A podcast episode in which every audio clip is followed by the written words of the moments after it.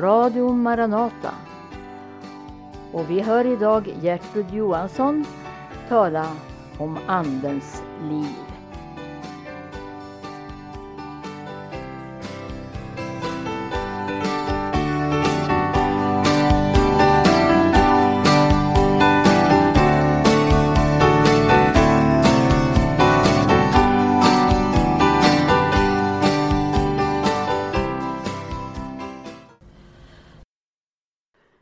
Ja, nu ska vi åter en gång, en halvtimme framåt här, tala lite om den helige Ande och vårt behov av den helige Ande som jag har nämnt i ett tidigare program. Så jag vill fortsätta utveckla mina tankar omkring det där för att det finns ju mycket man kan säga och väldigt mycket att lära sig. Och eh, det är svårt att hinna med på en halvtimme så att eh, vi tar det Idag så börjar vi återigen ur eh, Johannes 14 och läser där vad Jesus säger. Eh, Johannes 14 och eh, eh, 16 versen. Där säger Jesus så här, och jag ska bedja Fadern och han ska giva eder en annan hjälpare som för alltid skall vara hos eder. Sanningens ande som världen inte kan taga emot, Ty hon ser honom icke och känner honom icke, men ni känner honom, ty han bor hos eder och skall vara i eder. Jag skall icke lämna eder faderlösa, jag ska komma till eder. Och så i 26 versen kan vi läsa, men hjälparen, den helige ande som fadern ska sända i mitt namn, han ska lära eder allt och påminna eder om allt vad jag har sagt eder. Och sen kan man fortsätta att läsa i Johannes 16 och 13 versen där det står Men när han kommer som är sanningens ande då skall han leda eder fram till hela sanningen. Ty han skall icke tala av sig själv utan vad han hör, allt det skall han tala och han skall förkunna för eder vad komma skall. Han ska förhärliga mig, ty av mitt skall han taga och skall förkunna det för eder. Allt vad Fadern har, det är mitt Därför sade jag att han ska taga av mitt och förkunna det för eder. Man ser här när man läser om det här så ser man att Fadern, Sonen och den helige Ande är fullkomligt ett. För Jesus säger ju att när han ska lämna dem så ska han inte lämna dem faderlösa. Eh, men och så säger han att han ska taga av mitt. Och och på ett annat ställe säger han att jag och Fadern är ett. Så att de är fullkomligt ett. Fadern, Sonen och den heliga Ande. Och när den heliga Ande kommer så är det en hjälp som är att jämföra med när Jesus är där personligen själv och, och hjälper dem. Men nu behövde de en hjälp därför att de ska kunna komma rätt. Och eh, Jesus vet det och därför ber han Fadern att sända Anden. Och så skulle Anden komma och förkunna allt vad Jesus har. Och det som är, eh, det som är mitt skall han förkunna för eder, står det. och så ska vi också eh, då läsa om, för förra gången så påminde jag om detta att det kan eh, vara väldigt svårt den här tiden att orientera sig eftersom det finns så mycket eh, utbud idag. Och jag talade lite om hur man ska känna igen Guds ande. Därför att i andra Korinthierbrevet så står det om att eh, de stod i, i fara att börja ta emot en annan ande. En annan ande och en annan eh, Jesus och ett annat evangelium. Och, och det är ju väldigt eh, problematiskt att det kan bli så. För det står så här i Andra Korinthierbrevet 11 och eh, eh, tredje versen. Men jag fruktar att så som ormen i sin illfundighet bedrog Eva, så skola till äventyrs också era sinnen fördärvas och dragas ifrån den uppriktiga troheten mot Kristus. Om någon kommer och predikar en annan Jesus än den vi har predikat eller om ni undfått ett annat slags ande än den ni förut har undfått eller ett annat slags evangelium än det ni förut har mottagit, då fördrager ni ju sådant allt för väl. Och där kan vi se att det är frågan om deras sinnen, att sinnet tar emot eh, detta andra, en annan Jesus, en annan ande, ett annat evangelium. Så lätt det kan bli, för det står att de förut hade haft det, det, det rätta, det som ni förut har mottagit. Så det hade på något sätt på vägen förändrats eller var fara att förändras i deras sinnen. Att de bara okritiskt tog emot allting. Och jag vill också i vår tid är det ju verkligen en fara i att bli bedragen av en annan Jesus. Man ska inte tro att allt som ger sig ut för att vara Jesus, alltså den, för, den förkunnelse som går ut där man säger att man förkunnar om Jesus, att det är den sanne Jesus. Och vi ska titta lite på det där, det står faktiskt i, i Matteus 24 så står det ju så här. Det har vi läst många gånger. Eh, hur det ska bli den sista tiden.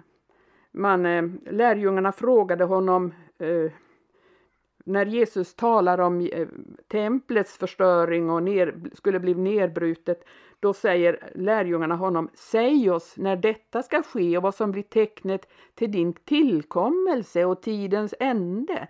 Och då svarar Jesus, och han svarar inte ja, det ska ske då och då, den och den tiden, utan han säger se till att ingen förvillar er, till många ska komma under mitt namn och säga jag är Messias och ska förvilla många. Och så kan man också läsa i tionde versen, då ska många komma på fall. Och i elfte versen, och många falska profeter ska uppstå och så vidare. Och då kan man ju höra att det här det är väldigt många faktiskt. Och, det, och vi vet ju idag, det är många som blir förvillade. Och det i sig är ju faktiskt ett tidstecken. Att det, att det är så många och det är en sån förvirring. Och hur ska man veta då om det är en sann Messias, en sann Jesus som förkunnas? Hur ska man känna igen? Och jag talade lite om det förra gången, det finns eh, tecken, men idag ska jag gå in på vad det står i första Johannes brev. Där vi kan läsa om det här. I fjärde kapitlet och första versen så står det så här. Mina älskade, tron icke var och en ande, utan pröven andarna, huruvida de är av Gud, ty många falska profeter har gått ut i världen. Så bara för att det är en profet som talar, som det står i, i Matteus, under Jesu namn, så kan vi inte vara säkra på att det är en äkta profet. Det kan vara en falsk profet. Och vi, det är väldigt, väldigt viktigt att vi lär känna Jesus så pass så att vi kan känna igen att det här är inte den Jesus som, som eh, Bibelns ord talar om. Och så i andra versen där så står det därpå ska ni känna igen Guds ande. Var och en ande som bekänner att Jesus är Kristus, kommen i köttet, han är av Gud. Men var och en ande som icke så bekänner Jesus, han är icke av Gud. Den anden är Antikrists ande, om vilken ni har hört att den skulle komma och som redan nu är i världen. Ja, och då kan ja man eh, tänka, om man inte har insikt i det här så tänker man, ja men det säger väl alla att Jesus är Kristus kommen i köttet. Han är, ja, då är det nästan ingen som kommer utanför det här. Men nu måste vi förstå det att när Johannes skrev det här, då levde han ju fortfarande, han var en av lärjungarna. De människor som han skrev till visste vem Jesus var. De visste hur Jesus hade varit när han vandrade här på jorden. De visste att han hade blivit utstött utav både judarna, den, de fariseer och skriftlärde, han hade blivit utstött ur världen så till den grad att han till och med blev upphängd på ett kors och dödad. Den Jesus är Kristus, vilket betyder att den, Kristus är den smorde, den som eh, är Messias helt enkelt. Att Jesus är Kristus, den Jesus som alla kände till. Han är Kristus, han är av Gud som bekänner Jesus så. Som eh, idag så är det ju många som talar om Jesus Kristus men man framställer honom på ett sätt som inte stämmer med Bibelns Jesus. Man, man framställer honom som om han passar i, i alla slags kyrkor och, och, och, sammanhang och att han, man framställer vissa sidor av Jesus men man undanhåller andra sidor av Jesus. Och då framställer man helt enkelt en annan bild av Jesus, en annan Jesus. Och är det så att man inte känner igen Jesus om man jämför med Bibeln, med Guds ord, vad Guds ord talar och om, om Jesus och vad Jesus själv talar. Och känner man inte igen detta i den Jesus som presenteras, då är det en annan Jesus och då är det Antikrists ande. Antikrist är ju inte en, eh, vad ska man säga, fullständigt annan, eh, utan det är en som för, för, för, försöker likna Jesus så mycket som möjligt men vara istället för Jesus. Antikrist, det betyder istället för Jesus. Istället för den Jesus som var så, så kontroversiell, som var så utanför allt i samhället, som var så, så eh, han var så strid, alltså det var så mycket som blev strid och konfrontation där han gick fram. Och en sådan Jesus vill man inte ha. Och då framställer man en annan Jesus. Och det kan vara väldigt förrädiskt därför att det kan, det kan ju dra med sig väldigt många som tycker också att det händer så mycket, nu är det så mycket på gång och det är sån fantastisk framgång. Och så löper man ofta efter där skarorna samlas. Skaror samlas därför nu händer det saker här. Det kan ske under och tecken. Det, kan, det är så fantastisk eh, lovsång eller det kan vara saker och ting som lockar och drar och det finns fantastiska talare och det är så mycket som... Men den Jesus de framställer är en annan Jesus. En, en Jesus som presenterar ett annat evangelium där människan ofta står i centrum, där människans egoism och människans bekvämlighet, människans eh, kött blir väldigt tillfredsställt och det tycker man om. Det finns ju också en fara i att hamna i det själiska. I första Korinthierbrevet så ser vi att eh, eh det är skillnad på det andliga och det själiska. Och att vi, vi kan läsa från första Korinthierbrevet 2 eh, där det står i andra kapitlet och eh, ja, vi kan börja från sjätte versen. Visdom talar vi dock bland dem som är fullmogna, men en visdom som icke tillhör denna tidsålder eller denna tidsålders mäktige, vilkas makt bliver till intet. Nej, vi talar Guds hemliga visdom, den fördolda, om vilken Gud redan före tidsåldrarnas begynnelse har bestämt att den ska bli oss till härlighet och som ingen av denna tidsålders mäktiga har känt Ty om de hade känt den så hade de inte korsfäst härlighetens her Herre. Vi talar, så som det heter i skriften, vad intet öga har sett och intet öra har hört och vad ingen människas hjärta har kunnat tänka, vad Gud har berett åt dem som älskar honom. Ty för oss har Gud uppenbarat det genom sin ande. Anden utransakar ju allt, ja, och Guds djuphet. Ty vilken människa vet vad som är i en människa utom den människans egen ande? Likaså känner ingen vad som är i Gud utom Guds ande. Men vi har inte fått världens ande utan den ande som är av Gud. för att vi ska veta vad som har blivit oss skänkt av Gud. Om detta talar vi också inte med sådana ord som mänsklig visdom lär oss, utan med sådana ord som anden lär oss. Vi har ju att tyda andliga ting för andliga människor. Och så kommer det här i fjortonde versen. Men en själisk människa tager icke emot vad som hör Guds ande till. Det är henne en dårskap och hon kan inte förstå det, ty det måste utgrundas på ett andligt sätt. Den andliga människan åter kan utgrunda allt, men själv kan hon inte utgrundas av någon. Ty vem har lärt känna Herrens sinne så att han skulle kunna undervisa honom, men vi hava Kristi sinne.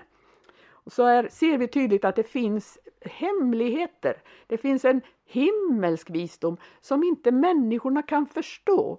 Och man kan inte komma in och förstå det utan att man verkligen har blivit född av vatten och ande. Så att man har fått en andlig människa in, inom sig och kan eh, det är många som går på det där med det själiska. Det själiska ju, tilltalar ju människans Eh, Eh, sinnen, alltså det är känslor, det är eh, estetik, det är väldigt mycket som, eh, som stämningar och det finns så mycket där och som människan bedåras utav och så tycker man att den här Jesus, den här förkunnelsen om honom som utgår från Guds ord, den är så skarp och den stör bilden, den förstör alltihopa. Så vill man förändra budskapet till att bli mera mera mottagligt också för den själiska människan. Nej, Guds ande måste vi ha. Vi måste fyllas av Guds ande så vi känner igen och att vi kan ta till oss den oerhörda visdom som Gud har och att man blir eh, eh får förnimmelse, man får förståelse för de hemligheter som finns i evangelium. Att man kan se att bakom det som för människor är en dårskap, där finns det en oerhörd visdom istället. Och sen tänkte jag att, att eh, vi måste återgå till Uppenbarelseboken också. Eh, Tage har ju eh, sagt att han ska ha eh, tala om Uppenbarelseboken men vi kommer in på det idag lite grann också. Han kommer att tala om det framöver. Men eh, idag ska jag gå till Uppenbarelseboken 3 igen. Och där eh, ja, vi kan eh, titta. Det är både Uppenbarelseboken 2 och 3 så har vi dessa brev som eh, är, är till de sju församlingarna i mindre Asien. På, som eh, Johannes fick uppenbarelse om och som han skulle meddela till dem. Eh, han såg ju först en syn, han såg sju gyllene ljusstakar och han såg hur Jesus gick omkring bland de sju gyllene ljusstakarna och hur han hade sju stjärnor i sin hand. Och så sänder han dessa brev till, till församlingarna. Och han talar till varje församling det som den församlingen behöver höra. Han talar ju alltid det som är aktuellt för den tid och den eh, situation som vi lever i. Han har ett budskap också till vår tid. Och jag talade också om det att vi kan ju verkligen lära oss av alla de här sändebreven. Det finns mycket där som vi kan ta vara på. Men alla de här sändebreven avslutas med det att den som har öra, han höre vad anden säger till församlingen. Och det är det vi behöver göra idag. Vi behöver höra vad anden säger till församlingen. Och så har man då ibland sett det som att de här församlingsbreven, att de är um, olika perioder i församlingens historia. Och följaktligen då så har vi ett brev, det sista brevet här till Laodicea. Och som jag har förstått det så är det vår tid, det är Laodicea-tid. Och där ska vi titta vad det står till Laodicea och titta lite närmare på det. Eh, för, för det första så säger han så här i 14 versen i kapitel 3 i Uppenbarelseboken. Så säger han som är Amen, det trovärdiga och sannfärdiga vittnet, begynnelsen till Guds skapelse. Jag känner dina gärningar, du är varken kall eller varm. Jag skulle önska att du vore antingen kall eller varm. Men nu, då du är ljum och varken varm eller kall ska jag utspy dig ur min mun. Du säger ju, jag är rik, ja, jag har vunnit rikedomar och behöver intet, och du vet icke att du just är eländig och ömkansvärd och fattig och blind och naken. Så råder jag dig då att du köper av mig guld som är luttrat i eld för att du ska bli rik och att du köper vita kläder till att kläda dig i för att din nakenhetsskam icke ska bli uppenbar och att du köper ögonsalva till att smörja dina ögon med för att du ska kunna se. Alla som jag älskar, dem tuktar och agar jag, så gör nu bättring med all flit. Se, jag står för dörren och klappar. Om någon lyssnar till min röst och upplåter dörren, så ska jag gå in till honom och hålla måltid med honom och han med mig. Den som vinner seger, honom ska jag låta sitta med mig på min tron, liksom jag själv har vunnit seger och satt mig med min fader på hans tron. Den som har öra, han hör vad anden säger till församlingarna. Då kan vi se här att först presenterar Jesus sig som den, det trovärdiga och sannfärdiga vittnet. För han vittnar ju för, för denna församling om hur han ser på dem. Men själva vittnar de i 17 versen, eh, jag är rik, ja, jag har vunnit rikedomar och behöver intet. Och du vet inte att du just är eländig och ömkansvärd och fattig och blind och naken. De hade ett vittnesbörd om sig själv. Jag har vunnit rikedomar, jag behöver intet. Hur kan det komma sig att de trodde det, att de tänkte så? Jo, de hade varit med om tider då de hade vunnit rikedomar. De hade eh, fått så mycket och de tyckte att nu har vi det här. Nu har vi det här.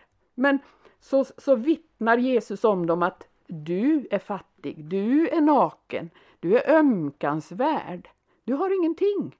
Fast vittnesbördet från dem själva var att de hade allt. Och det tycker jag att det är en verkligen frågan om att vi behöver ransaka oss. Vi kan ha gjort erfarenheter, vi kan ha gjort upplevelser, vi kan ha varit med om saker och ting, vi kan ha, ha vunnit strider, vi har, vi har kunnat gå i konfrontation och, och verkligen vunnit strider i den andliga världen. Och så tycker vi att nu är det bra. Nu har jag vunnit allt. Nu har jag, nu har jag eh, det är klart nu, nu behöver jag inte ta sådana där strider mer, för jag har ju vunnit det. Och så börjar man lita på sin egen rättfärdighet istället. Men Jesus vittnar, du är naken. Helt plötsligt så är inte det hans rättfärdighet, därför rättfärdigheten är ju den klädnad vi har fått att kläda oss i och vi måste lita på att vi tar emot Jesu rättfärdighet så att vi inte är är nakna. Därför att om vi börjar lita på oss själva, nu har vi blivit starka, vi har, eh, vi har vunnit segrar, men så har vi börjat backa tillbaka lite grann för vi tycker att vi är vi orkar inte ta fler strider nu, vi orkar inte ta fler konfrontationer och så kanske vi backar lite grann bara för, för, att, för att ha lite fred och ro och lite, lite lugn i tillvaron.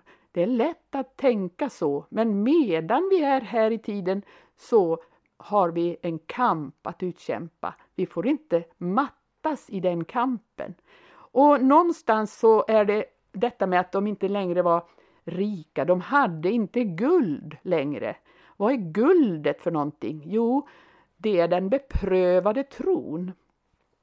Tron hade de ju, men man man vill inte längre låta den bli beprövad, beprövas. Därför att i prövningarna så blir guldet luttrat och det blir, för det liknas ju vid det att den beprövade troheten den är mer värd än guldet som förgås men som dock genom eld blir beprövat. De måste få guld tillbaka, de måste tillåta sin tro att bli prövad. Vi får inte mildra Eh, vår förkunnelse lite grann så att det inte längre blir sådana där prövningar. Vi får inte backa, vi får inte ta hänsyn till att människor kan tycka det är jobbigt. Vi kanske för människornas skull eh, backar bara lite grann för att behålla dem så att de inte ska fly bort ifrån oss. Och, och, och budskapet får inte vara riktigt så hårt eller riktigt så, så sänker vi tröskeln lite grann för att behålla människor. Det är farligt, då är vi inne på en farlig väg och så händer det att man blir inte längre så klar i synen längre. Man klarar inte att se längre. Man förlorar klarsynen och då kan man bli som de i andra Korinthierbrevet att man fördrar både det ena och det andra. Det är farligt att vara på det sättet. Det är risken för Laodiceas folk. Men Jesus erbjuder, jag står för dörren och klappar. Om någon lyssnar så vill jag hålla måltid med honom. Det handlar ju om att Jesus vill ge oss sitt ord som är det rätta brödet från himmelen. Vi får sitta ner med Jesus och äta vid hans bord. Vi får äta av den förkunnelse han ger oss i sitt ord. Då får vi en gemenskap med Jesus så att vi kan känna igen honom, att vi kan eh, avslöja det falska och kunna, kunna förstå om det är ifrån Gud eller inte. Vi kan känna igen den, eh, den falska anden som finns hos väldigt många och känna igen den sanne Jesus som presenterar, e- presenteras i evangelium. Ja, vi avslutar där för denna gången och vi återkommer. Eh, Gud välsigne dig som har lyssnat.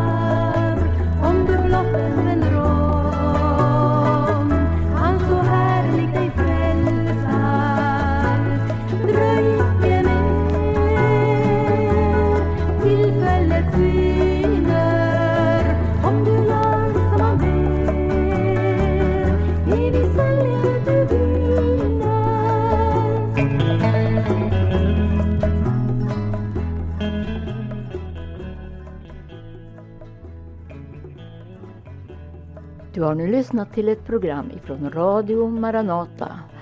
Och det var Gertrud Johansson som undervisade utifrån Bibeln om Andens liv. Och eh, sedan sjöng Ulla Kristensen O vänd om till din Gud, du som än vandrar fjärran. Vill du ha kontakt med Radio Maranata så kan du ringa 070-201 6020 du kan också gå in på hemsidan maranata.se där du får information om Maranatas aktivitet på olika platser och även kan lyssna på ljudarkivet, på olika möten och även vissa möten som sänds direkt. Och Radio Maranata sänder varje morgon klockan åtta över Örebro och Stockholms närradio. Måndagar och onsdagar även klockan 18. Gud välsigne dig och på återhörande om du blott vänder om. Han så härligt dig frälsa